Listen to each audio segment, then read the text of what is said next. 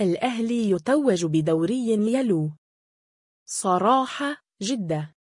استطاع فريق الأهلي أن يحصد دوري يلو الموسم الحالي وأعلن النادي نفسه بطلا لدوري يالو قبل الجولة الأخيرة بعد فوزه على القادسية بهدف دون مقابل في المباراة التي أقيمت على استاد الأمير عبد الله الفيصل بجدة.